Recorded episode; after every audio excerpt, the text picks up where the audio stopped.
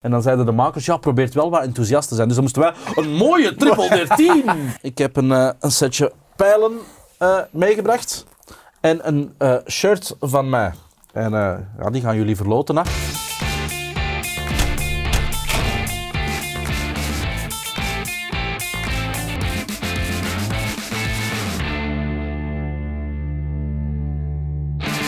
Dag iedereen en welkom bij een nieuwe Clubhouse Tandem. Een nieuwe show betekent natuurlijk een, eh, een nieuw duo. En vandaag gaan we het hebben over het aankomende WK Darts in uh, Londen. Deze vrijdag start het. En ik heb natuurlijk twee specialisten in de zetel. Aan de ene kant zit uh, de darts-commentator van ons land, mag ik, mag ik toch wel zeggen. Ik denk dat je, dat je alles wat, wat darts is, dat, dat ben jij. Hadden het er net nog over. Mensen herkennen nu ook als de darts-commentator. uh, maar je doet nog zoveel meer. En sinds kort, uh, je hebt je eigen podcast, dat is al even. Maar sinds kort is die ook bij Friends of Sports uh, voor, de, voor het WK, voor de WK vooruitblik liever. Maar vandaag gewoon bij ons in de zetel. Dikke merci om hier te zijn. Welkom, Matthias de Vlieger. Dankjewel, Jarno. Ja, uh, thanks for having me. Uh, leuk hier, leuk aangekleed ook. ja, effectief. Hè. Um, het, het, het vreemde is, ik werk al acht jaar als voetbalcommentator bij Eleven. En Eleven in de beginjaren tastte zo de markt wat af met andere sporten daar rechten van te kopen. En ze hebben een aantal jaar de dartsrechten gehad. Zo ben ik ook darts beginnen becommentariëren. Mm -hmm. De rechten zijn dan verhuisd naar VTM, waardoor VTM ook heel snel bij mij terecht kwam.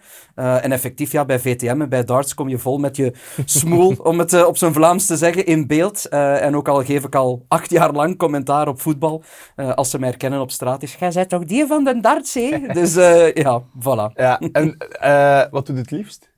Oh, ja, ja, ik krijg ja. die, vraag, die vraag zo vaak, Jarno. Ik moet wel. Uh, je, je mag het mij niet vragen, omdat het is... Naast mij zitten bij de darts.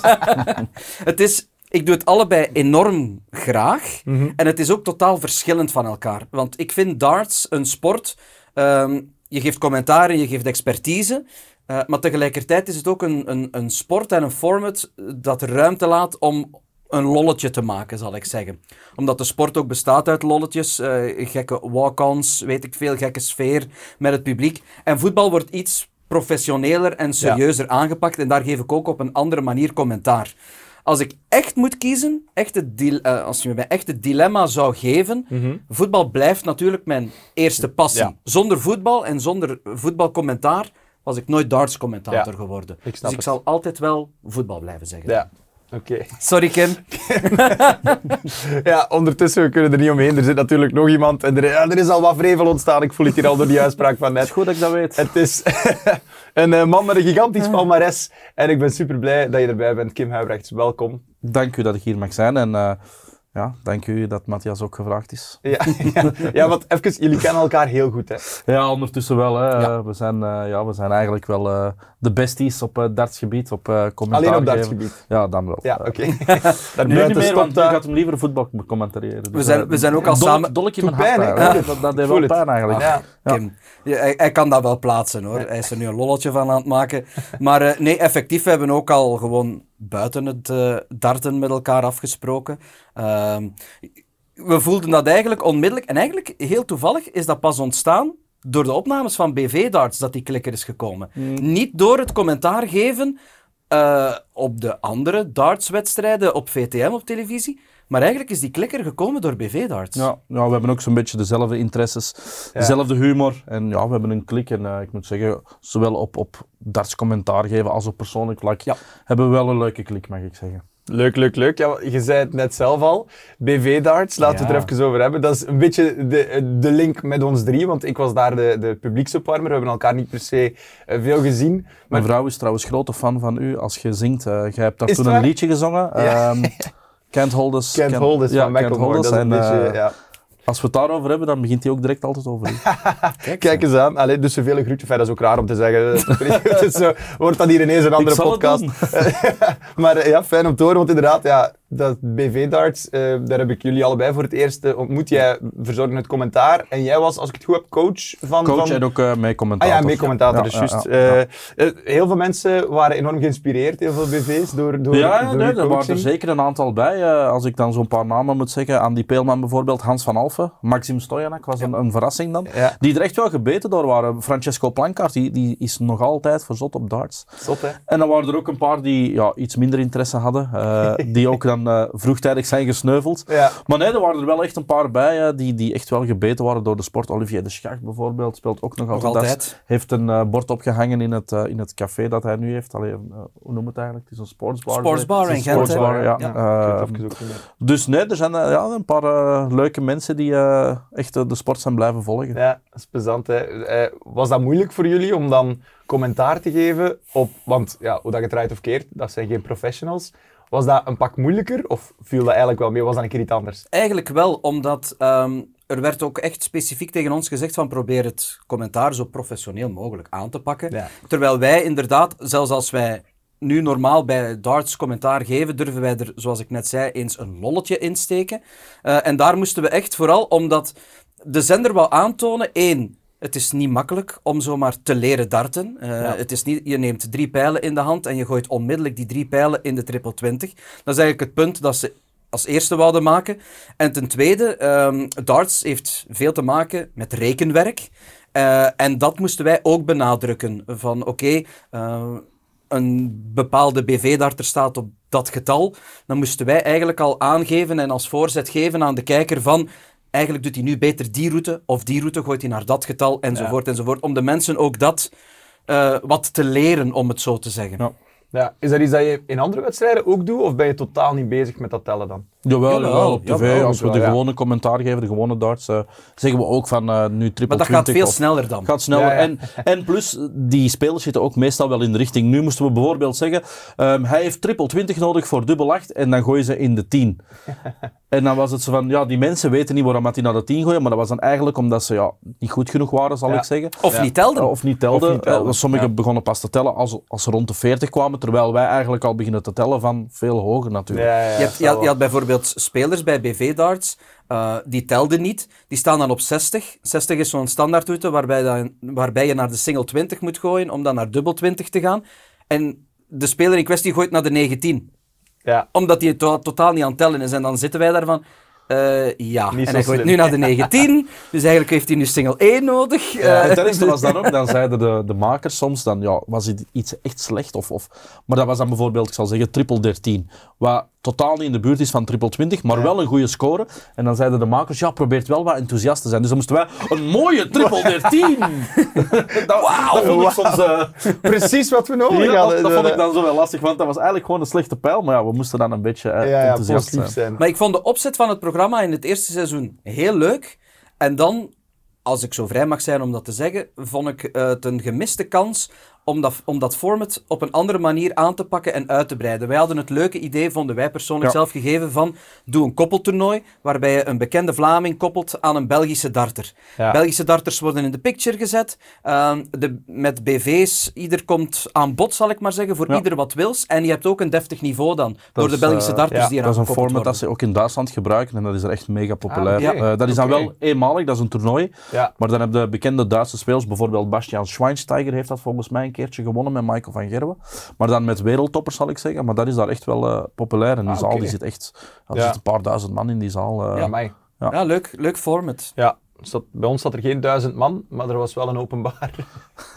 Zorgde ook voor de nodige sfeer. Ja. Dat eh, Dankzij ja. u, dankzij was, u. eh, oh, Publieksopwarmen, ja. ja. Oh, stop het, jongens. Stop. Jij moest altijd roepen, ja, nu mogen we Ja. lachen, hè. Ja, ja dat, was, dat was met momenten ook niet altijd evident. Als het, want het is wat je zegt, ja, je speelt met niet-professionals, dus het, Ja. het tempo lag veel lager. Ja, dus dat was dat dat is het, hè. die spanning is er soms wat uit. Hè. Ja, Als je ja. zo 16, 21, 24 en dan ineens is 60, dan was dat zo... 60 Ja. is dan hè, geweldig, maar... Maar ik vind wel, jij hebt in een mooie setting mogen werken. Ik vond dat podium en weet ik veel, die aankleding Ja. vond ik Ja. echt Dat is dan super, weer super, tv. super mooi. Ja, ja, we hebben dat heel goed gedaan. Ja. Ja. Het was eh, een, een, een keer een leuke ervaring voor ons allemaal. Een keer iets En we anders, hebben darts in de picture gezet op Absoluut. die manier. Dus En het is bij veel mensen blijven hangen, zoals dat je ja, zelf ook al zeker, zei. zeker. eh. Maar dat is iets dat je in het algemeen ook wel voelt, denk ik. Dat dat meer en meer overal een populariteit wint.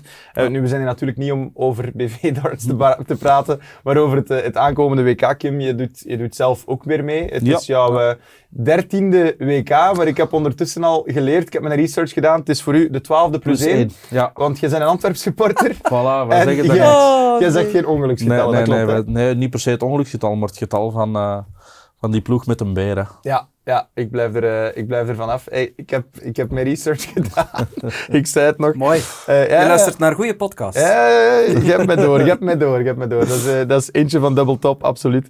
Ehm, nu, eh, wacht even, wat heb ik hier nog allemaal opgeschreven? Ah ja, vorig jaar was, was ook een schoon moment. Jij speelde Peter Wright naar huis ja, ja. in de, in de achtste finale, als ik het goed voor heb. En nu ben je zelf een van de eh 96 eh, spelers op dat WK. Hoe, hoe, want jij zit hier nu bij ons in de zetel, was het eigenlijk volgende week al. Hoe, hoe, heb je dan geen stress of is dat niet iets dat je nu al een beetje mee bezig? Nee. Ondertussen, ondertussen heb ik eh, ervaring, hè, zoals gezegd, mijn eh, twaalfde plus één WK. Ehm, dus je bent dat wel gewend. eh, ik speel al, al zo lang op, op het hoogste niveau. Dus eh, de, de dag zelf, dan heb je wel dat stressmomentje, maar de week ervoor al niet meer. Toen het mijn eerste WK nog was of zo, ja, dan waren er al maanden op voorhand naar aan het uitkijken. Maar nu zijn we dat gewend en eh, het, is ook, het is ook niet nodig dat je daar nu al, al zenuwachtig om wordt. Want hoe meer je naar dat WK toe gaat, hoe meer naar je wedstrijd toe gaat, ja, hoe rustiger je eigenlijk moet blijven. Hè. Ja, snap ik, snap ik. Maar je zegt het alsof het, alsof het heel simpel is, maar dat is voor de meeste sporters zo, hoe rustiger dat je moet blijven. Maar zo evident lijkt me dat toch Nee, zo evident is dat uit- uiteraard niet. Eh, het is een WK, het is het hoogst haalbare podium van eender welke sport. Dus je wilt er wel shinen natuurlijk. Maar goed, eh, daar hebben we een voorbereiding voor. En, en, en die voorbereiding is heel belangrijk om die zo goed mogelijk en zo rustig mogelijk te doen. Ja. Zodat je echt klaar bent voor het moment dat je er moet staan. Het is gewoon het belangrijkste toernooi van het jaar. Eh, zo simpel is het. Ja. Eh, al is het maar voor de portemonnee. De, de winnaar van het WK eh, wint een cheque van een half miljoen pond. Nergens crazy. anders. Geen enkel ander toernooi is die prijzenpot zo groot. crazy. En er wordt zelfs vaak gediscussieerd en, en gedebatteerd over het idee van, ja, zouden die prijzengelden niet wat beter verdeeld moeten worden over de verschillende toernooien, dat het WK te heavy is naar prijzengeld toe. Het is doorslaggevend. Hè. Als, je, als je een top 50 speler bent bijvoorbeeld en je wint het WK, ben je op één klap top 5 speler. Ja. Terwijl dat met andere toernooien niet mogelijk is. Ah ja, Dus- zo. Ja, want, want ik had er inderdaad ook wat research naar gedaan. Die prijzenpot in het algemeen, als je deelneemt, sowieso heb je al 7500 pond. Ja. Klopt dat? Klopt, klopt. Dat is startgeld. En Startgeld. startgeld, dat is toch ook Ja. al... En de top 32, eh, die zijn een ronde verder, dus die hebben nog meer startgeld. Ja, en dat is per ronde dat je verder komt, Ja. is dat gewoon, gaat dat Ja. omhoog, gaat dat omhoog, tot Ja. twee- 200.000 voor de runner-up en 500.000 voor... Dat is, dat Om, om even te kaderen, eh, nog niet zo lang geleden eh, werd Andy Bates wereldkampioen bij de Mhm. WDF. Dat is de andere bond, de, de bond eigenlijk die spelers vertegenwoordigt die niet prof zijn of semi-prof zijn. Oké, dus ja. zij zijn prof. WDF is een andere bond. Andy Bates heeft met die wereldtitel 50.000 pond gewonnen. Als je dat vergelijkt met die 500.000 pond bij de PDC, dan merk je dat, dat gigantische verschil. Ja, ja dat, kan, dat, dat kan tellen. Want in 1995, ik had dat, ik had dat ook opgevonden, opgezocht.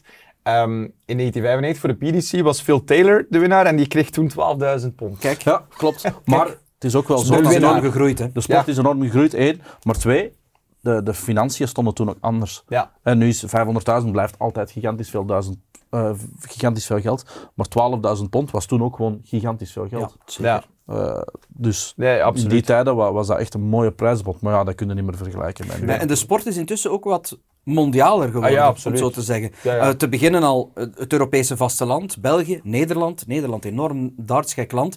Eh, en ze zijn de markten nog verder aan het verleggen. Duitsland, Duitsland. Ik heb gelezen dat er bijna 100 of, of 60 Ja, ja, Duitsland. Veel tickets. Die hebben Ja, heel veel tickets gekocht. Ja. Dat is crazy. Wat, maar even concreet, want inderdaad, je zei daarnet al, Andy Bates is wereldkampioen geworden. Ehm, voor een niet-dartscanner kan dat wat verwarrend zijn, want het WK komt er nu pas aan. Ja. Maar dat is een verschil. Hè. We spreken over de WDF en de PDC. Ja, Leg eens even uit, hoe, hoe zit dat er juist? Dat, wat is dat verschil precies? wel om, om het simpel uit te leggen. Dus eh, de PDC is, is de bond voor de, het, eh, hoe moet ik het zeggen? De, het zeg- de vlag dekt de lading, zo moet ik het zeggen. Professional Darts Corporation, PDC. Dus de bond voor professionele spelers. Ja. Eh, en als je geen profstatuut hebt, een tourkaart zoals we dat noemen, om niet te veel in detail te gaan, dan moet je je heil zoeken bij een andere bond die ook toernooien organiseert, Mhm. eh, waarbij je ook gelden kan verdienen en noem maar op. En ook een ranking kan hebben en dat is eigenlijk de WDF nu. Dat is de tweede belangrijkste bond. Vroeger had je er nog één, maar ook daar... allee, Om, om het een klein beetje in voetbaltermen dan te zeggen, eerste en tweede klasse. ja, eigenlijk Ja, wel. Van. Eerste en tweede klasse. dat is duidelijk. Eh, de PDC is de eerste klasse, dat is de elite, dat is Michael van Gerwen, Gerwin Price, Ja. Peter Wright. Echt de crème de la crème. Ja. WDF zijn aankomende talenten. Bijvoorbeeld een Andy Batens, eh, een paar Ja. jongens die, die soms afgezakt zijn van de PDC, die, die hun tourkaarten, zoals Matthias, verloren zijn.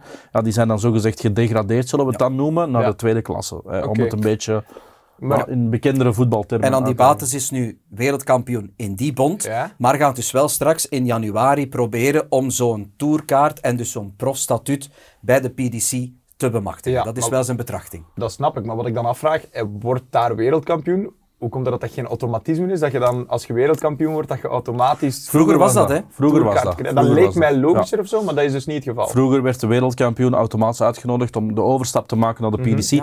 Toen was daar veel meer ri- rivaliteit echt tussen de twee bonden. Dus het was eigenlijk meer zo van, hmm, ah, jullie willen ons concurreren, is goed, dan geven wij jullie wereldkampioen een uitnodiging. Ah, zo. Come to the dark side, een beetje. Ja. Ehm, die rivaliteit is een beetje gaan liggen en daarbij is ook gezegd van, oké, ja, dan moeten we niet meer per se hun publiekstrekker naar ons toe trekken. Ja. Dat was eigenlijk een beetje van, eh, ah, jullie willen ons concurreren, is goed, dan nemen wij jullie beste spelers. Langs de andere kant, ik zou dat op zich logisch vinden. Moest dan die Bates nu Ja. automatisch een tourkaart krijgen. Eigenlijk wel, eigenlijk wel. Je Maar wordt niet zomaar wereldkampioen hoor. Voilà, het is niet dat er, om het zo te Maar- zeggen, pannenkoeken op dat andere WK hebben rondgelopen hoor. Nee, maar Nee. de PDC denkt dan ook weer van ja, het WDF heeft niks met ons te maken. Waarom zouden wij hun een voordeel geven? Want PDC heeft een eigen soort van tweede reeks, de Challenge Tour. Mhm. Dus die kan je combineren met die WDF Tour. Eh, en die krijgen wel, die nummers 1 en 2 van die ranking, krijgen wel een tourkaart. Dus ik denk dat het daar een beetje mee te maken heeft met het oprichten van die tweede tour op de PDC. Alright. Ja, want Andy Baat is de eerste Belg, als ik het goed voor heb, die, die kampioen wordt, die, wereldkamp, die zichzelf wereldkampioen mag, mag noemen. Ja. Kunnen we hem snel verwachten, denk je? Of, of gaat dat, is dat toch echt wel een pak complexer de dag van vandaag? Het is, ik, Kim? Het, is, het, is, het is complex, eh, want om zo'n profstatuut te bemachtigen moet je naar Q-School, zoals dat wordt genoemd. Mhm. Dus dat is een, week, een toernooi van een week ongeveer. Eh, en daar liggen er een x-aantal tickets te grijpen, eh, of een x-aantal tourkaarten te grijpen. En Andy Bates deed daar vorig jaar ook al aan mee. En als je weet dat hij een weekgemiddelde van 95 gooide, wat veel is, dat is echt veel, Ja? Het is aan die Bates niet gelukt om een tourkaart te pakken. Dus je moet enerzijds zeer consistent zijn, soms een beetje geluk hebben met je loting, dat wel. Ehm, dus het is niet zomaar vanzelfsprekend dat Nee. je daar een tourkaart gaat pakken. Ja, en da- daar doen ook bijvoorbeeld meer dan 500 spelers aan mee. En er zijn misschien maar 12 of 13 tickets Ja, te pakken. Dus Als er al zoveel ja, zijn. als er al zoveel zijn. Dus ja, om, om daar echt door te spartelen, dan Geen moet je evidentie. inderdaad echt wel één in topvorm zijn, zoals Matthias zegt. En een beetje geluk hebben met die loting. Hè. Eh, Wesley Plezier, ook een van de favorieten in het eh, voorbije WDF-WK. Die is zelfs de eerste fase niet doorgekomen. En die was toen topfavoriet om een tourkaart te halen. Ja. En de eerste fase is eigenlijk de makkelijke fase. Ja. Dus ja, dat, dat, dat is... eh, Het zegt veel. het Ja, zegt het veel. zegt Het is heel geen veel, sinecure. Dat is ook Ja. één week en die bepaalt de rest van jouw jaar. Die bepaalt of dat jij een heel Ja. jaar met de grote jongens mocht meedoen, of die bepaalt of dat jij terug het WDF of het Challenge Tour circuit moet doen. Maar Dus- is dat, is dat, is dat correct? Dat, dat één week wordt bepaald Tja. voor een heel jaar? Want, want het, is, het is dan toch ook zo... Allee, je kunt toch een off-week hebben? Of, of dat, dat, het is toch ook heel Ja, hard in klopt. de moment. Het is wat Het je zegt, is- slechte loting. Er zijn heel veel factoren, lijkt me dan, die, die meespelen. Of je een goede wedstrijd speelt of, of, of Ja, niet. nee, een dat, goede dat competitie klopt volledig. speelt. Maar ik denk dat de PDC echt, die willen de crème de la crème. Die Ja. willen de beste van de beste. En Consistentie. eh, als je in zo'n week kunt uitblinken, of, of, dan, heb je, dan heb je op dat moment wel echt... Ja, dan heb je wel het momentum om, om zo'n tourkaart te pakken. En Ja. ik denk dat dat de richting is waar de PDC naartoe wilt. Langs de andere kant zijn er ook heel veel jongens die een tourkaart pakken, die daar de week van hun leven hebben. En die worden twee jaar lang voor de leeuwen gegooid. Die presteren eigenlijk niet echt veel. Ja, en die krijgen daar pakken slagen, dat het ook Ja. niet, Ja. niet fijn is. Dus ja, het is misschien inderdaad beter om, eh, om de ranking van de Challenge Tour en daar de eerste 15 of de eerste 20 een tourkaart te geven of zo. Maar Ja. ja, ja. Sport is heel vaak een momentopname. Hè. Het WK Klopt. is ook een momentopname. Je kan bijvoorbeeld eh, in al je wedstrijden op het WK geweldig staan gooien. En dan speel je de finale en speel je de slechtste wedstrijd van je leven. Ja. Kan, kan gebeuren. Klopt. Kim, Kim speelde een heel goed WK. En hij kwam vorig jaar tegen Dimitri van den Berg in de vierde ronde uit. Ja. En Kim speelt denk ik een van zijn slechtste wedstrijden ooit. Eh, eh, niet om Nee, oneerbiedig nee, nee, te nee, zijn. nee, nee, klopt, klopt. maar, maar klopt. Kim was niet op de afspraak die dag. Ja. En, en dan heb je brute peggen. Ja. Ja. Ja, klopt. Ja, het is altijd... altijd eh, Sport is hard. sport is, Is hard, zo, hè? Inderdaad. Is zo, ja. Ja, snap ik. Nu, even concreet. Het, het WK begint deze vrijdag al. Er zijn 96 deelnemers. Voor de mensen die niet zouden weten, hoe, hoe, worden, hoe worden die rankings juist bepaald? Of hoe, hoe wordt er bepaald wie die 96 spelers zijn Zal die u dat laten uitleggen? Ehm, dus we hebben een wereldranglijst. Dus Mhm. eh, in de PDC is het eigenlijk redelijk ingewikkeld. We hebben heel veel verschillende rankings voor verschillende toernooien. Voor het WK wordt eh, de wereldranglijst genomen, dus echt de grote, de grote ranking, dus de nummer 1 van de wereld, et cetera. Tot nummer 32, die zijn seeded players, dus die worden beschermd. Die kunnen ook niet tegen elkaar vallen in die eerste rondes. Die zijn ook bye in de eerste ronde, dus 96. Ja. En we gaan eerst eh, de, eerste vier, de laatste 64 dan eigenlijk van die ranking tegen elkaar spelen. Ja. Ja, dus de eerste 32 zijn beschermd. Dan hebben wij een aantal vloertoernooien, rankingtoernooien, Pro Tours noemen wij dat. En daar de opgeschoonde versie van. Dus al wie in die top 32 staat van de wereldranglijst, wordt daaruit gefilterd. En die overige 32 spelers die dan overblijven, zoals een Mike de Dekker, zoals een Mario van den Boogaarden, Ja. die dan niet in die top 32 staan, maar wel in die top 32 van die ranking, van die Pro Tours, Ja. die komen er ook nog eens bij.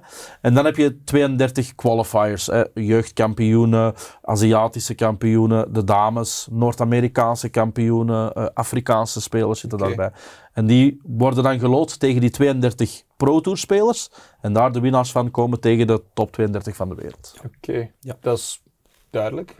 Ja, dat het is niet zo makkelijk hoor, maar het Nee. is inderdaad goed uitgelegd. Ja. Ja, dat, is- dat, dat lijkt me heel duidelijk. Maar en, en ehm, dat zijn allemaal wel spelers met, met zo die licentie of die, die tourkaart waar, waar, je, waar je net over Niet allemaal. Niet allemaal. Nee, nee, nee. Nee, Dus in eigenlijk, die, theorie- eer- eigenlijk die eerste eh, 64 die hij uitlegt, wel. Die, zijn, die hebben sowieso een profstatuut. Maar die andere, die laatste 32 qualifiers waarvan hij spreekt, er zijn er die Ja. een profstatuut hebben. Eh, maar het gros daarvan heeft geen profstatuut. Dus, dus je hebt eigenlijk als speler plan A, Mhm. probeer in de top 32 van de wereld te komen. Ja. Lukt je dat niet, heb je plan B om in die Pro Tour top 32 te komen. Ja.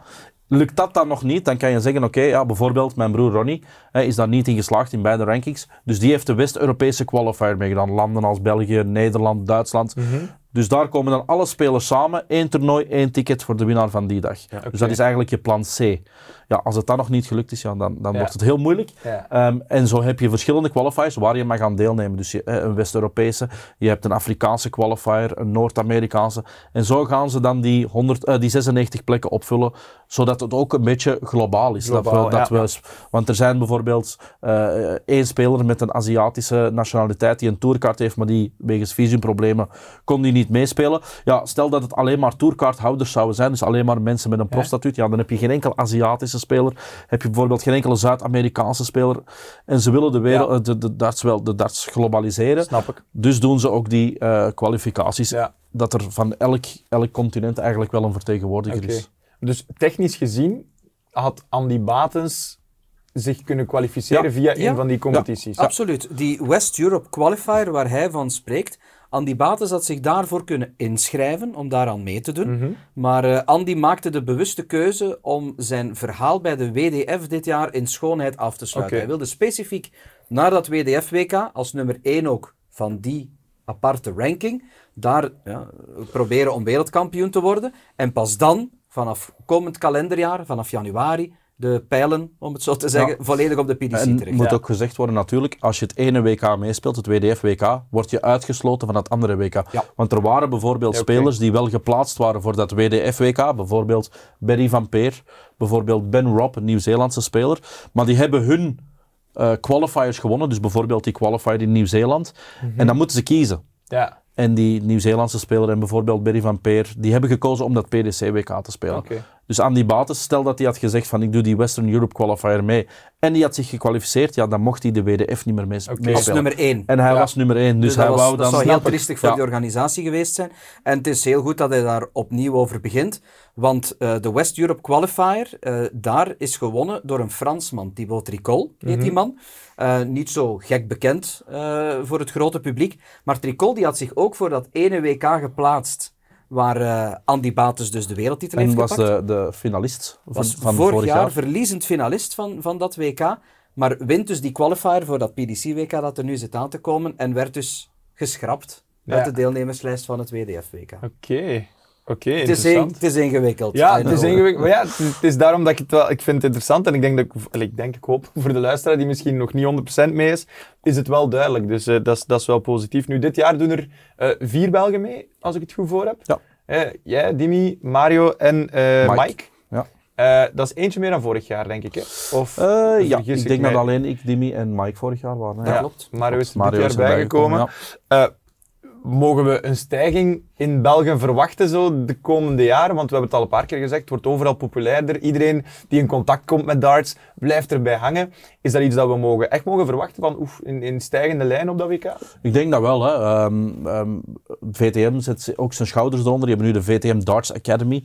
En dus 15 spelers mogen eh, naar Q-School gaan, dat zij dan eh, eh, sponsoren. Ehm, dus daar heb je sowieso al meer spelers die gaan deelnemen. Meer spelers die deelnemen betekent ook meer kans om door te groeien naar die PDC. Maar ook gewoon, ehm, ja, ik zal zeggen, eh, darts was nog niet zo bekend in België. ik, zeg maar eens, dan heb je een vijver van duizend spelers, waar vier profs uit voorkomen.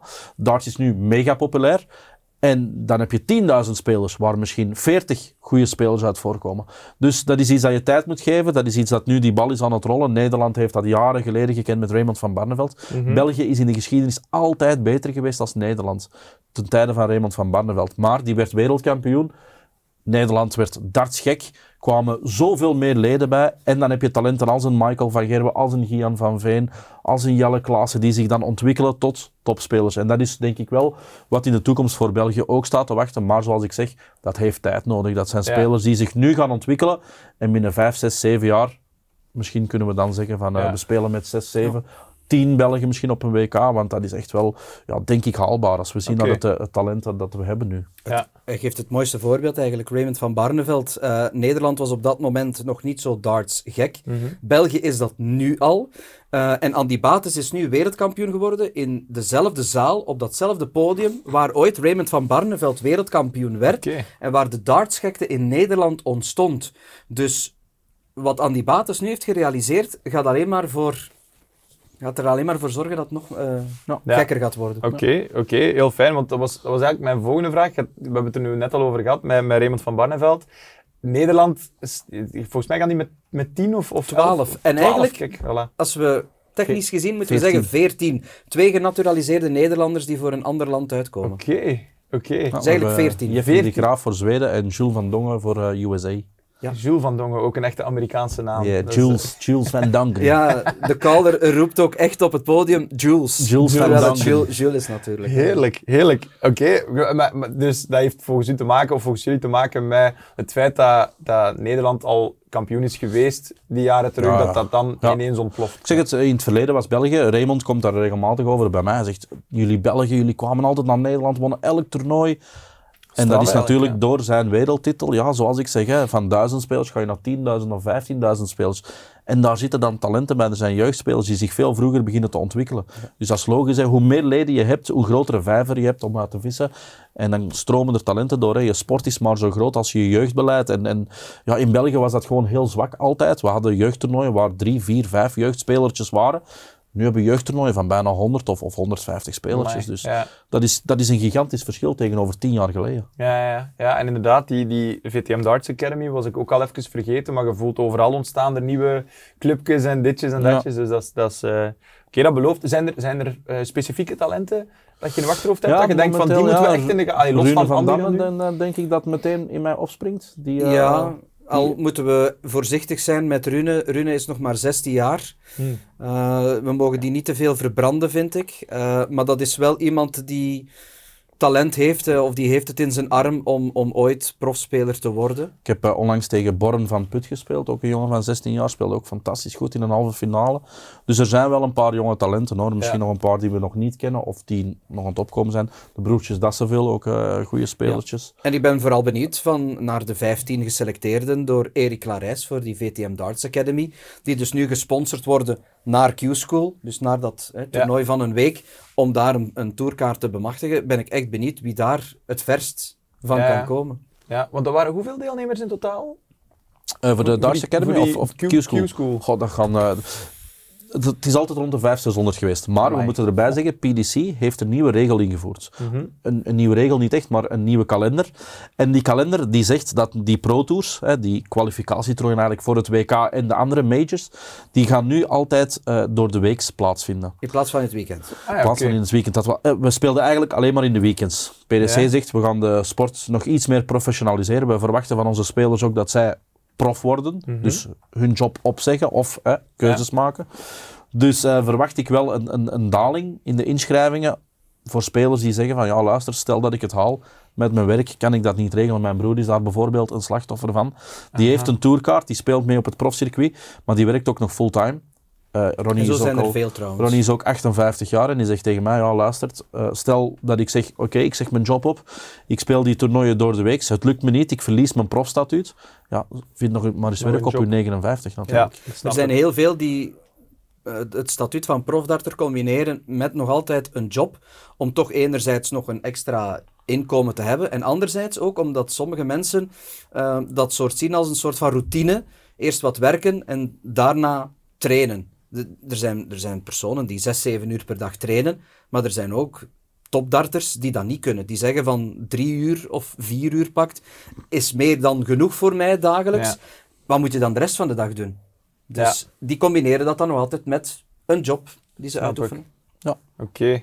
Ja, dat is, dat is inderdaad- want, want op die manier gaan er misschien ook wel talenten verloren. Of zijn er misschien wel mensen die... Dus Die gaan de stap mensen niet zijn durven zetten, hè? Er gaan mensen, ja, inderdaad, zijn die keuzes gaan moeten maken. hè. Ik denk als je dan die jongere leeftijd, dus talent zijnde, eh, de stap kan zetten, dan denk ik wel dat je het nog zou doen. Maar ik denk vooral voor de oudere darters, Ja. dat, dat die daar geraakt worden. Waaronder bijvoorbeeld mijn broer. Hij zegt, ja, zoals hij ook zegt, ja, als het niet lukt, Ja, wat dan? mijn baas gaat niet zeggen van, ah, kom maar terug. Kom maar terug. En, en een nieuwe job vinden, ja, dat is op die leeftijd ja, nu niet zo evident. Ja, wel, we hebben het nu vaker over leeftijd gehad. Staat er een leeftijd op darts? Ik bedoel, is er een minimumleeftijd om pro te worden? En is er Ehm, een leeftijd waarvan dat je zegt, nu wordt het, wordt het moeilijk? eh, Dus eh, we hebben een, eh, BDC heeft ook een, een jeugdtour, Mhm. de development tour.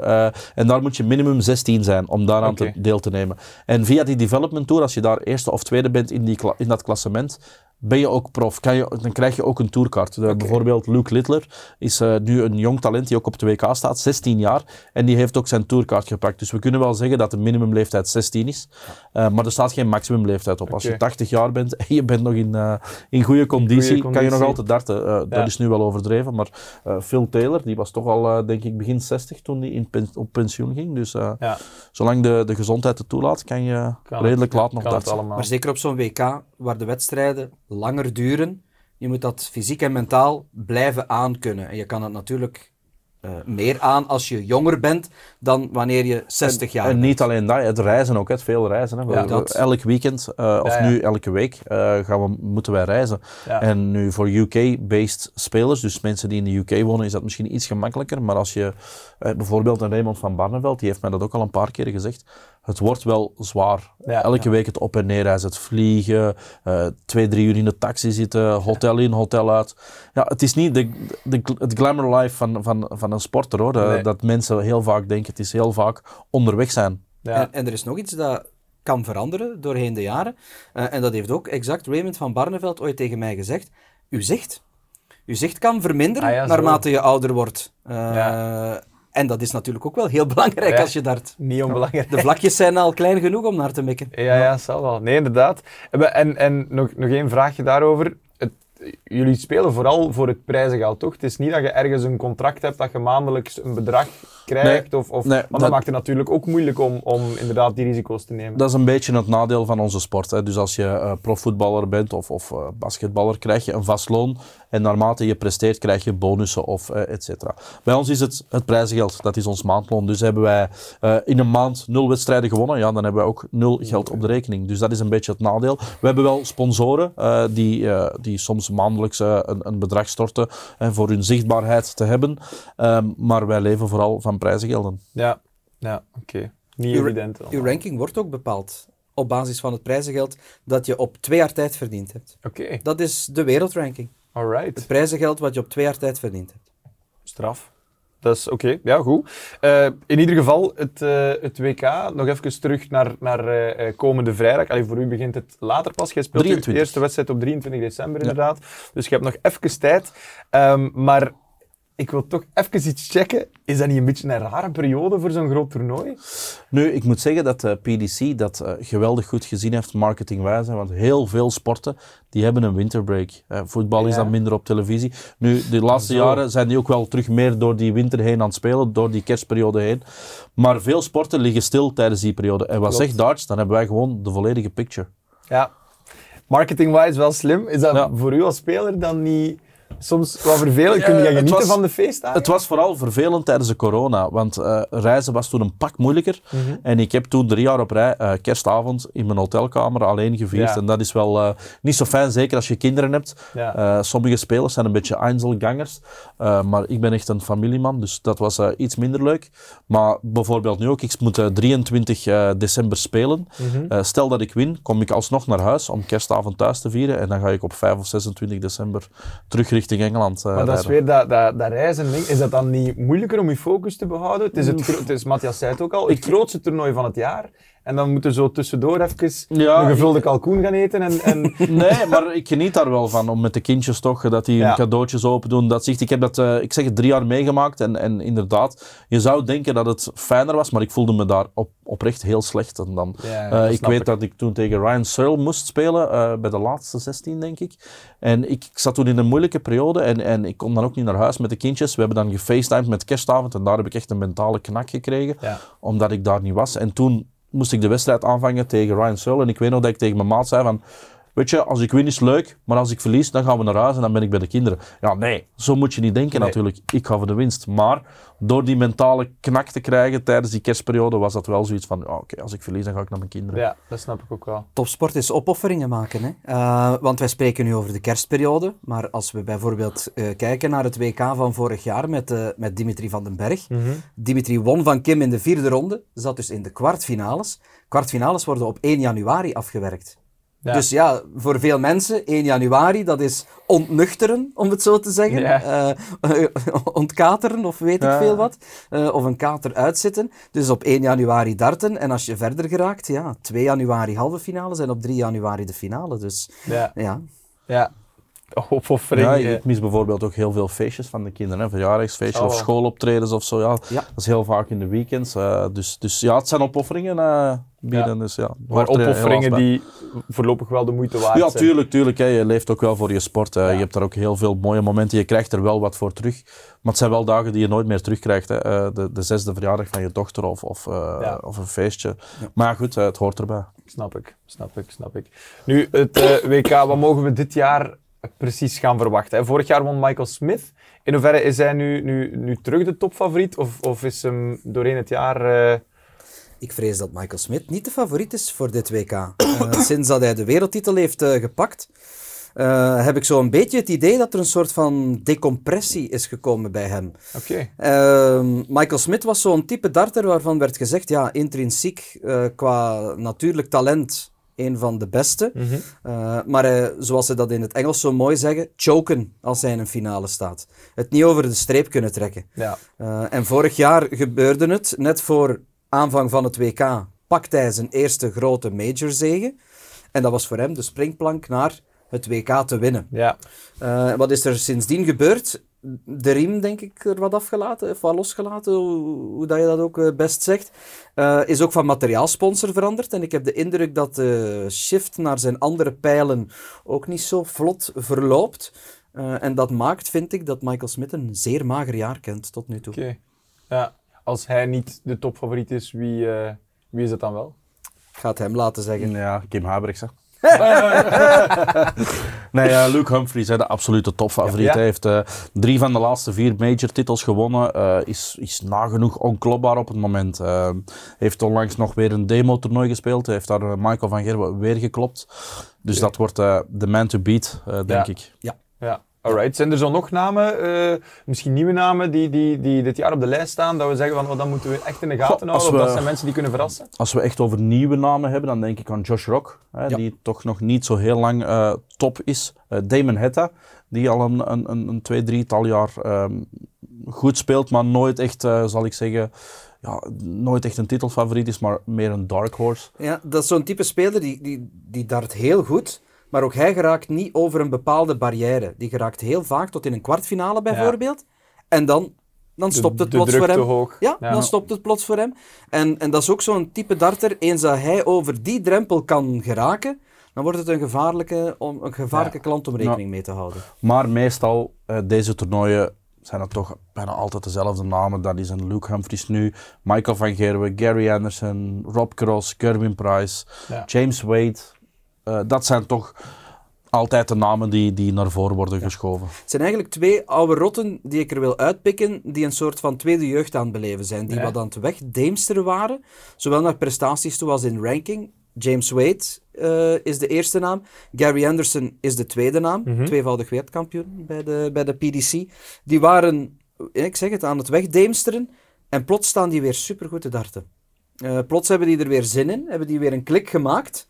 En dan zie je, ja, die kunnen nog altijd fantastisch darten. Ik Ja. zie Gary Anderson ongelooflijk graag spelen. Ik heb me laten wijsmaken dat hij niet altijd de meest aangename persoon is om te spreken. Maar zwart, dat wil ik in het, dat wil ik in het midden laten. Maar ik zie hem ongelooflijk graag darten. Eh, en mij zou dat niet verwonderen, moest hij bijvoorbeeld nog eens een wereldtitel pakken. Maar hoe- komt dat dan? Dat, dat iemand aan de top speelt, die begint wat weg te vallen en ineens staan die daar terug. Maar wat heeft dat te maken? Dat, dat kunnen kleine dingen zijn. Hè. Dat kan die honger zijn die, die terugkomt gewoon door de liefde van de sport. Dat kan eh, in Gary Anderson zijn geval, eh, die kreeg iemand die in de buurt kwam wonen, die ook enorm goed stond te gooien. Die zei van, hey Gary, zie je het zitten om af en toe eens te trainen. Ja. Gary verloor daar regelmatig van en die zei dan op een gegeven moment van, ja kom, eh, ik wil wel even terug eh, laten zien dat ik hier de beste ben. Ryan Searle is die speler.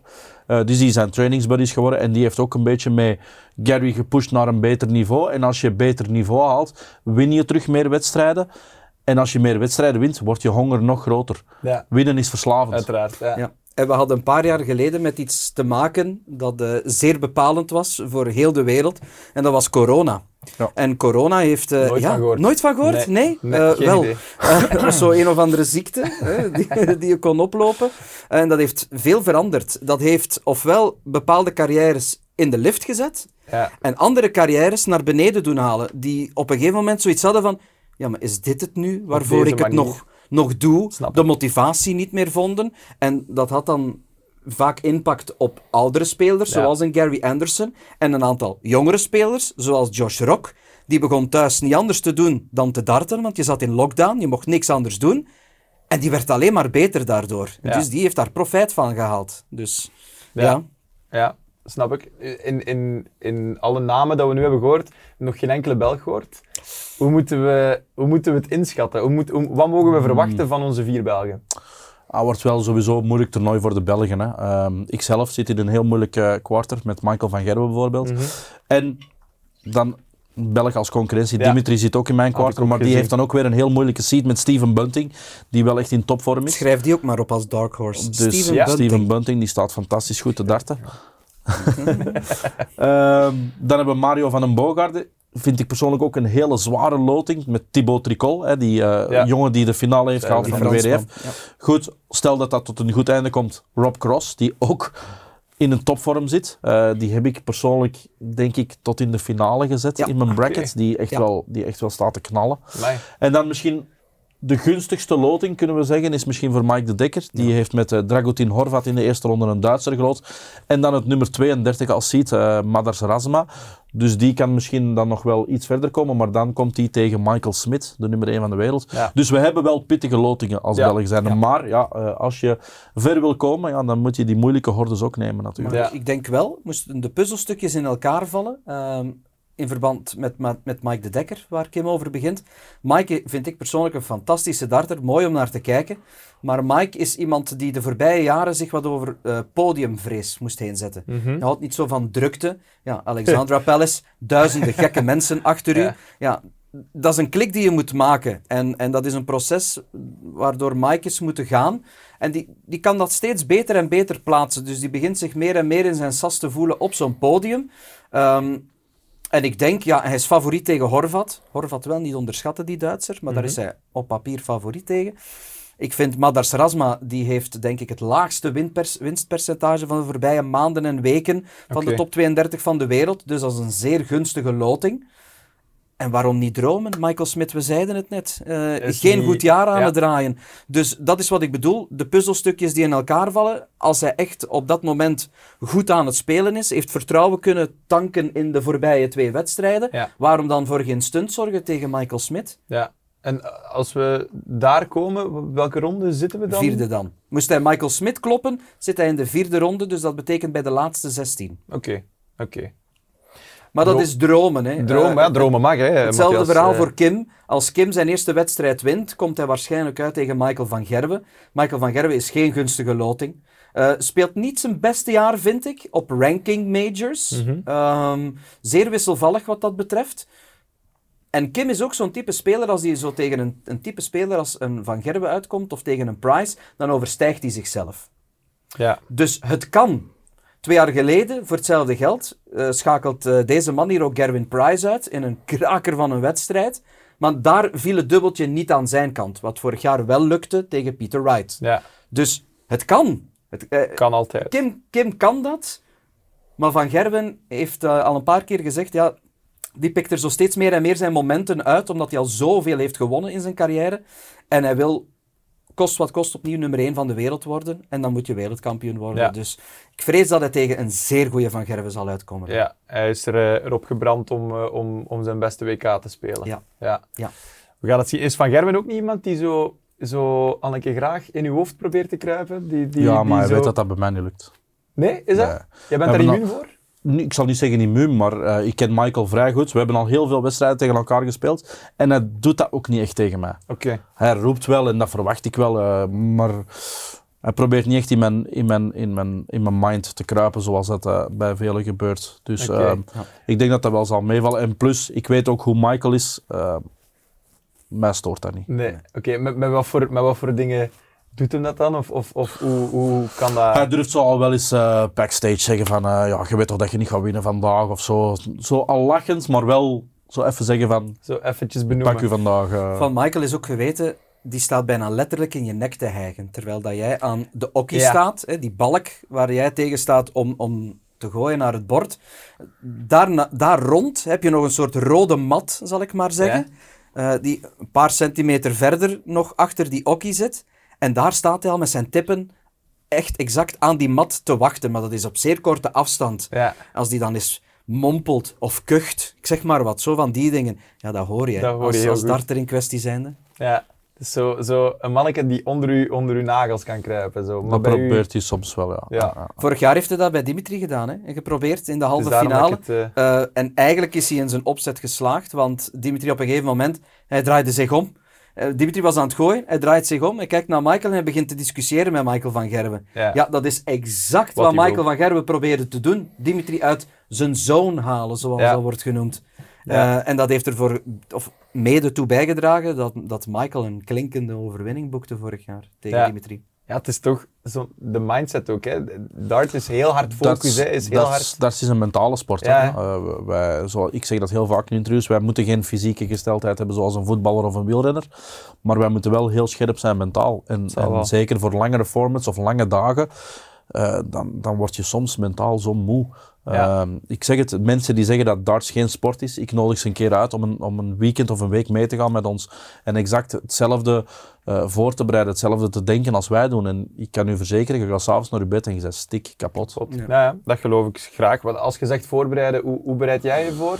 Ik ben ongeveer vier uur van tevoren, eh, voor mijn wedstrijd, ben ik in de darts venue om te trainen. En dan van die vier uur train je ongeveer een drie uurtjes in, in, in pauzekes. Hè. En wat doe je nu specifiek van trainingen richting het WK? Nu ja, heel veel, heel veel gooien. Hè. Ik probeer eh, thuis of in, de, in mijn shop eh, heel veel te trainen. Ik heb een heel schema ehm, uitgebouwd op de computer dat ik dan volg. Ik heb online eh trainingssessies bijvoorbeeld gehad vorige week met Rusty Rodriguez. Die tekste mij er toevallig daarnet nog of ik vandaag wil eh, een, een sessie doen. Ja, ja. Dus ehm, online trainen. En zoveel mogelijk wedstrijden spelen. Hè. Ik heb vorig weekend eh, twee toernooien gespeeld in Schoten. ehm, waaronder een finale tegen mijn broer Ronnie. Ja. Ehm, dus proberen wedstrijdritme op te bouwen. Ja. Dus elke dag nu is eh, van s morgens tot s avonds darts, darts, darts. Oké, maar ja, doorheen de week, doorheen het jaar, nu is dat naar voorbereiding van het WK. Hoe, hoe ziet u, uw jaar eruit, of uw weekschema, als je geen, niet per se een groot toernooi hebt? Want ik veronderstel dat je dan ook niet zegt, ah, nu doe ik twee weken Nee, eigenlijk, niks. eigenlijk is mijn leven darts, darts, darts. Ja, Eh, ja. Eigenlijk, dat is een sport waar daar sta je mee op en daar ga je mee slapen. Ja. Ehm, En daar heeft hij nog eens een winkel opgestart ook dan, Ja. eh, een winkel waar ik workshops en lessen geef. Dus buiten darts als sport doe ik darts als, als werk. Ho- hobbywerk, Eh, hobbywerk, Zo, ja. ja. Dus ik geef dan lessen en, en, en workshops. Eh, we hebben een winkel. Ehm, dus ja, ik ben eigenlijk ja, 24, 7 op 7 eh, met darts bezig. Wordt dat soms niet te veel? Eh, wordt dat soms niet te veel? Ja, ik denk zoals bij iedereen die zijn job wel eens beu is of zoiets heeft van "Pff, vandaag heb ik er echt geen zin in. Ja, in dat opzicht wordt dat wel te veel. Maar de wedstrijden zelf, de toernooien zelf, daar kijk ik altijd naar uit en dat doe ik al 13 jaar lang. En ik ga altijd voor de winst, ook al ben ik nooit een favoriet om een toernooi te winnen. De dag dat ik het niet meer graag doe of de dag dat ik niet meer denk dat ik nog mee kan of kan winnen, dat is de dag dat ik zeg van nu ga ik vol voor mijn kindjes. Hè, want Ja. uiteindelijk zijn zij de dupe van mijn leven soms. Hè. Ze zien Ja. papa veel minder dan kindjes hun ouders zien. Uh, mijn vrouw is daar ook de dupe van, want die ziet haar man ook veel minder dan dat vrouwen hun echtgenoot zien. Dus uh, die opofferingen die ik dan maak, die moeten het wel waard zijn. Want de dag dat ik zeg van het is het niet meer waard, ja, dan, dan moet je ermee stoppen. Ja, dat zou wel. Ja. Oké. Mentaal sterk zijn dus. Ja, eh, niet alleen mentaal sterk zijn, het is gewoon nog eh, de liefde voor de sport. Hè. Eh, veel, mensen, erin vinden, hè. veel mensen zeggen darts, dat is uw job, maar voor mij is het nog altijd mijn passie en mijn hobby. Ik heb van mijn hobby mijn job kunnen maken, maar bijvoorbeeld toont aan hoe graag ik de sport doe, is ik doe nog altijd lokale toernooitjes. Ik speel nog altijd competitie. En van de profs, van de, van de top 32, denk ik dat er misschien vier of vijf spelers zijn die regelmatig nog toernooitjes spelen of competities spelen. Een Michael van Gerwen, die speelt alleen zijn PDC-toernooi en die komt niet meer buiten. Michael Ja. Smit, die speelt geen... Natuurlijk, die mannen hebben ook een ander statuut. Eh, die zijn ook niet meer gerust op toernooitjes of op eh, competitiewedstrijden. Maar die doen het ook gewoon niet meer graag, want die spelen al zoveel PDC. Ja, ik doe nog altijd darts super graag en ik ben er elke dag mee bezig. En als Ja. Matthias morgen belt, Kim, wij hebben hier een toernooitje om de hoek, eh, twintig man doen er aan mee en ik zou graag met u zijn pin pakken. Wat denkt u? Ik stap in mijn auto en ik ben daar. Want ik vind dat gewoon Ja? zo leuk. Ja, Oké, we regelen dat. Ik ga mee. Ja, ik heb mezelf net uitgenodigd. We gaan dat, eh, we gaan dat Ja. regelen. Eh kijk goed. Eh, wacht even, wat ook nog. Ah ja, nu vooral duidelijkheid, want daar hebben, we, daar hebben we het ook al over gehad. Het, is, het is allemaal geen evidentie wat je nu, wat je nu net zegt. Zijn er, zijn er tips dat je zegt van jonge darters? Of, of stel nu, ik zeg van verdorie, ik, wil, ik, ik heb ook die passie te pakken. Zijn er tips dat je kunt meegeven voor mensen die aan het luisteren of aan het kijken zijn? Dat je Ja. zegt van. Het, het belangrijkste is wat we net besproken hebben. Heel veel plezier hebben in wat je doet. Ehm, plezier maken. Dus naar de toernooien gaan. Niet om per se daar altijd te winnen. Maar gewoon om met de maten gezellig dagje uit. Dartspijltjes eh, gebruiken. Tof. Wil je er iets serieuzer in gaan? Zeker doen. Heel veel trainingsarbeid verrichten. En niet te snel willen zijn. Echt stap voor stap voor stap. Er zijn jongens die, eh, die twee jaar bezig zijn. En die zijn nu al bezig over een tourkaart. Of die zijn al bezig over Ja. ik wil het PDC-WK ooit. Nee, stap voor stap. Doe eerst lokale toernooitjes eh, rond, rond bij jou in de buurt. Ga dan België af. Probeer af en toe eens naar Nederland te gaan, want daar is het algemene niveau momenteel nog altijd iets beter.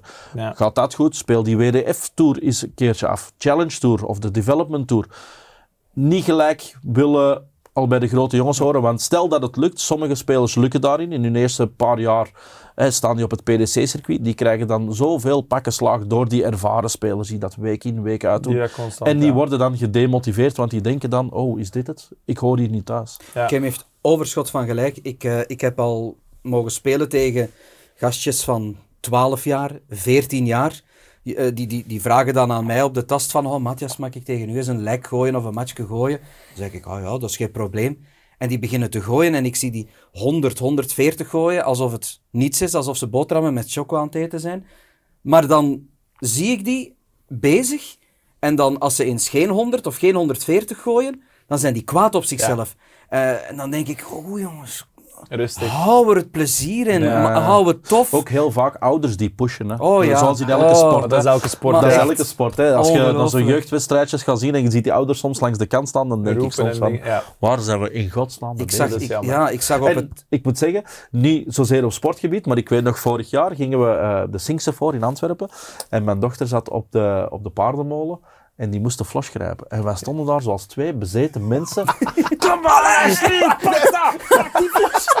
En die andere ouders ook allemaal rondom. Hè. Dus soms de druk dat je op je kinderen legt. Is te- Toen achteraf zei ik ook tegen mijn vrouw, eigenlijk was dat wel schandalig hoe dat wij er stonden. Hè. Ja. En ze had die niet gepakt en wij stonden allebei zo van, ah. Ik was enige tijd terug op een, op een toernooi in Antwerpen aan het kijken. Jeugd- eh, eh, ik was naar een jeugdspeler aan het kijken. En die verliest. En ik stond naast de papa. En die, die jongen draait zich om, kijkt naar zijn papa. En die papa doet zo. En ik dacht in mijn eigen, ik zeg, oh, Ja, arme die jongen. Ik zeg, die is 14 of 15 jaar. Ja. Ik zeg, zegt gewoon van, hé hey, zoon, goed geprobeerd, op naar de volgende. Hè? Nee, Zo- zou wel. Jongen, jongen, wat heb je nu gedaan? Ik dacht, er echt hey, ja. on. Ja. Ja, ik denk dat dat inderdaad in elke sport wel is, maar dat is wel... Dat is iets dat niet nodig zou moeten zijn. Nee, nee, nee. Maar feit gebeurt snel en Maar blijkbaar. Zelfs op de kermis. Mijn vader was vroeger ook heel hard voor mij. Ja, die pushte nu ook Die wel, pushte mij ook wel. Wel op latere leeftijd, niet zozeer als, als eh, jong manneke. Ah, wel, Maar op- die heeft mij wel gepusht in mijn carrière om meer te trainen. Maar ik vind, er is een verschil tussen, tussen pushen, inderdaad op latere leeftijd, als je voelt dat er een, een ambitie in het, in het kind zit ook. En, en eh, allee, positief aanmoedigen, of, of allee, dat, er, zit, er is heel veel nuance in, toch? Ja, Allee, nee, nee, klopt. Dat is, een, dat is een dunne lijn. Hè. Ja, dus, lijn, dus ik denk dat dat wel... En je eh, moet ook een beetje zien naar eh, hoe dat het kind daarop reageert, vind ik. Ja, ja. ja, absoluut. Want ik denk dat er heel veel mensen zijn die, Mm. die eh, gepusht worden en daardoor ook de passie voor de sport Ja, tuurlijk, tuurlijk. Ja, ja. Ja. Er zijn heel veel talenten die, die daar de mist in gaan. Hè, die dan stoppen of iets anders gaan doen. Hè. Ja, ja. Zou, eh, zou heel jammer zijn. Eh, goed, ik denk dat we, dat we bijna, bijna alles gecoverd hebben. Zijn er dingen dat jullie zeggen van dat moeten we zeker nog, eh, nog bespreken? Ja, ik wil nog één ding bespreken. We hebben het zeer weinig over Dimitri van den Berg gehad Mhm. tot nu toe. Ehm, Dimitri is iemand die een beetje onder de radar is gebleven, vind ik, dit jaar. Heeft Afgelopen in het begin van het jaar fantastische dingen gedaan. Halve finale WK bereikt, halve finale van de eerste ranking major nadien de UK Open. Nadien een beetje weggegleden, een beetje uit de picture verdwenen. Ehm, maar Kim heeft het onlangs in, een, in, mijn, in mijn eigen podcast mooi gezegd. Dimitri is iemand die kan pieken naar zo'n moment zoals het WK. Mhm. Dus eh, hopelijk staat hij er tegen dan weer opnieuw. Ehm, maar eh, Dimitri kan in zijn tweede ronde uitkomen tegen de man die hij twee jaar geleden is tegengekomen. Dus je hebt de partij Dylan Slevin uit Ierland tegen de Duitser Florian Hempel. Mhm. En Florian Hempel was exact de man die twee jaar geleden Dimitri vroegtijdig naar huis speelde. Een waanzinnige wedstrijd. Die man die speelde de wedstrijd van zijn leven. Dus wij kunnen een herhaling hebben van die wedstrijd van twee jaar geleden. Ehm, ik hoop ergens dat Hempel wint. En ik hoop dan ook ergens dat Dimitri dan mooie revanche kan pakken op Ja. Florian Hempel. Dat Ja. zou een eh, heel leuk scenario zijn. Dat snap ik, dat snap ik. Is hem, zal hem op de afspraak zijn, denkt u? Ik hoop het. Ja. De tekenen voordien waren niet zo positief, als ik eerlijk mag zijn. Eh, maar ik heb eh, Dimitri afgelopen weekend nog gesproken en hij leek mij wel redelijk ontspannen toe te leven naar het WK. Ik kan het alleen maar hopen. Wij, wij willen natuurlijk, ten eerste als VTM zijnde, als zender, hopen wij natuurlijk dat de Belgen zo ver mogelijk geraken. Tuurlijk. Vorig jaar was een droom van een WK, on- wat ons betreft. Alleen al naar kijkcijfers toe. Eh, en ik zelf ook, ja, als, als darts commentator en liefhebber hoop je natuurlijk dat iedereen van de Belgen zo ver mogelijk geraakt. Als ik dan een bracket invul, dan vul ik dat natuurlijk wel in zoals ik denk dat het zal verlopen. Ja. Dus dat bijvoorbeeld een Kim verliest van een Michael van Gerben. Matje, dat is strike two, hè. Ja, One more strike and you're out. maar ik vul dat dan zo in. Maar ik hoop natuurlijk voor Kim en anders. voor België op een geheel andere uitkomst, Ja, uiteraard. je bent wel, je bent wel heel eerlijk.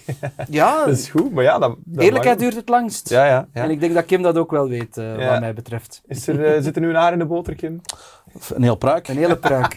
Een hele pruik. Oef, ja. Nee, nee, ik heb het liefst dat hem eerlijk is. Ik Ja, gun daar twijfel ik iedereen van aan. de Belgen alle successen. Uh, maar soms moet je ook realistisch zijn. Um, Ja. Dimitri kan in de derde ronde uitkomen tegen Steven Bunting. Uh, en als je dan aan mij vraagt, wie is nu, als je ziet naar het huidige vormpeil, de favoriet dan in die wedstrijd, dan zeg ik niet Dimitri van den Berg. Nee. Ook al gun ik Dimitri een wereldtitel, om ja. het zo te zeggen. En gun ik Kim een wereldtitel. Maar als, nu, als je mij nu vraagt, Kim, ehm, sorry, Dimitri tegen Steven Bunting, wie is de favoriet? Bunting, Ja. sorry. Ja. Sorry. Oké. Je kent Dimi uiteraard ook goed. Als ik het goed hoor heb, was er op een bepaald moment even zo, of tenminste, daar werd toch in de pers over gesproken, was er een bepaalde vete tussen jullie. Was dat ook effectief zo, of werd dat een beetje opgeblazen? Goh, er, er waren wel issues, eh, maar het is wel veel groter gemaakt dan het uiteindelijk was. Nu trainen we terug samen, we, Ja. we, we doen de wedstrijdvoorbereidingen samen, we praten met elkaar. Dus Oké. dat is, eh, Al die plooien zijn dat is eh, gewoon rustig, eh, rustig eh, voorbij gegaan. allemaal. Ja, ja. ja, Oké. Het is natuurlijk ook, jullie zijn topsporters. Je, je, je zet vrienden, maar misschien waarschijnlijk ook gro- grote concurrenten. Dus dat is iets dat... Ja, eh, ja, tuurlijk, Dat kan altijd gebeuren dat er, dat er wel eens iets voorvalt. Ik denk dat eh, beste vrienden altijd wel eens eh, ruzie hebben of iets, Ja. iets voor hebben. Kan altijd gebeuren, kan overal gebeuren. En, eh, Het is hier op de zetel ook gebeurd, hè. Ja. Dus, eh voilà. voilà. En ik wil, voor we afsluiten, nog één naam die ook onderbelicht is, nog eh, eventjes in de picture Graag. zetten. En dat is Gerwin Price, darter uit Wales, een paar jaar geleden eh, in het, eh, een van de piek coronajaren wereldkampioen geworden.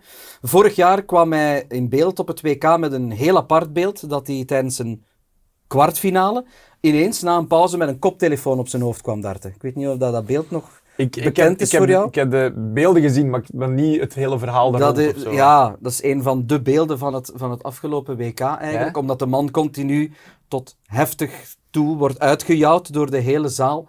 Eh, en ik hoop dat, er, dat het nu dit jaar iets beter is. Ah, eh, naar Price toe. Ehm, voor mij een grote kanshebber dan om wereldkampioen te worden. ja, Kerwin Oké. Price. Om terug wereldkampioen te worden. Ja. Hoe, hoe, hoe het, het uitgejoel en zo, is dat, gaat dat weer een ding zijn dit WK? Ja, ja, Ja? sowieso. Waarschijnlijk wel. Ja. een beetje jammer? Of hoort het erbij?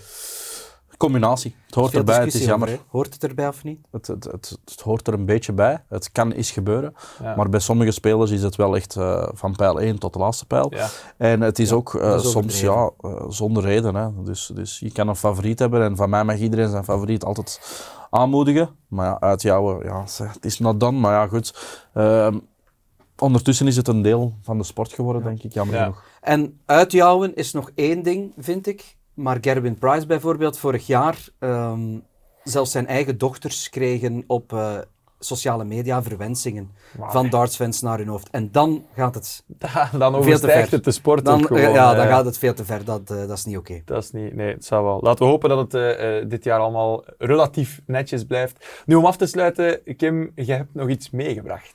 Klopt, ja. Ik heb een, een setje pijlen eh, meegebracht. En een eh, shirt van mij.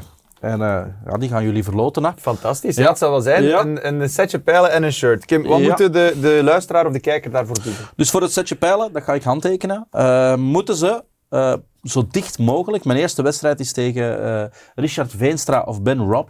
Ja? En wie het dichtste bij mijn gemiddelde zit, ga rond de 110 zitten, hoop ik. Eh, wie daar het dichtst bij zit, eh, die wint mijn setje darts. Oké. Eh, voor het shirt ehm, gaan ze moeten gokken hoe ver ik zal geraken. Het zal eerste plaats zijn ongeveer, Ja, eh, met die ongeveer. 110 gemiddeld. Ja. Ehm, Ja. Die wint dan het shirt. Eh, daar zal waarschijnlijk wel voor gelood moeten worden, want daar zullen er iets meer wel correct zitten dan hier. Ehm, maar dat zijn de twee ehm, taken die de mensen thuis krijgen. Dus Fantastisch. het wedstrijdgemiddelde van wedstrijd 1. En eh, welke ronde gaat Kim Huibrechts eruit? Liefst ook niet 1. 2 niet dat, is, dat, is, eh, dat is duidelijk. Voilà. Eh, alright, super. Ga, ga jij dat Ik nu? ze Misschien, dat is misschien handtekenen, tof ja. dat we dat nu in Dus de de studio wanneer het zien. doen. Als een van de twee dit mee vasthoudt, Matthias, houd jij dit even mee vast. Hop, Dan kijk zet goed. ik daar al. Vooral duidelijkheid nog voor de, voor de kijker of luisteraar. eh, enkel de comments op YouTube tellen. Dus als je dit aan het beluisteren bent op Spotify of ergens anders, dan, eh, dan moet je even snel naar YouTube gaan om daar in de comments te reageren. Dus nogmaals, twee gehandtekende setjes in de set dart spelen en een t-shirt. Kijk, de mat, maar jij zal er ook nog mee staan eigenlijk. Heb je eigenlijk geen... Wacht. geen eh, Ik Geen eh, moet er nog eentje laten ontwerpen. Is- Mijn eigen vriendin heeft zelfs al een dartshirt. ja? Ik nog niet. Ah ja. Dus ik moet dat nog laten ontwerpen. Het is jammer. een medium, dat zou hem niet passen. Nee, Ah, dat- dat moet zeker een laars zijn. Moet een lars zijn, oké. We nemen het mee. Dus nogmaals, in de comments van YouTube eh, zijn gemiddelde raden rond de 110, 115 ongeveer. Ja, hallo. En eh, zijn- Wat zeg jij, Matthias? Ik denk eh 95 zou al mooi zijn. Geen strike 3. Val al mee. Daarnet eh, backstage zei hij iets anders, hè? Ja, nee. Ja. Dat, zei- dat was 20 voor- punten minder, Toen, toen zei ik voor de 75. grap 75. Dat, eh, nee, nee, dat gaat hem niet. Want dan gaat hij de tweede ronde niet Dat is, overleven. dus, dat, is dus onze, dat is onze vriendschap. Prachtig, hè? Hij herpakt hem dan toch Ja. als er camera's opgericht zijn. Ja. 95 moet hij minimaal gooien. Ja, oké. Dat, is, dat is duidelijk. Je weet eh, waar dat je naartoe moet Voilà. werken. Ja, dat zal ook nodig zijn, denk ik. De Ja, dat denk ik ook. Ja, alright, spannend. Eh, goed, dan hebben we alles gecoverd, mannen. Dikke, dikke, dikke merci om hier te zijn. Ik vond het een heel fijn gesprek. Het was heel leuk. Merci ook voor de, voor de, voor de giveaway, Kim. Eh, daar, daar gaan heel wat luisteraars en kijkers ongetwijfeld heel blij mee zijn. Dikke merci, mannen. En heel veel succes natuurlijk, allebei, met het, het aankomende WK in Londen. En u thuis ook bedankt voor het kijken, voor het luisteren. En eh, ja, ik zie jullie graag eh, voor de volgende terug. Voor de volgende Clubhouse Tandem. Merci. Ciao, ciao.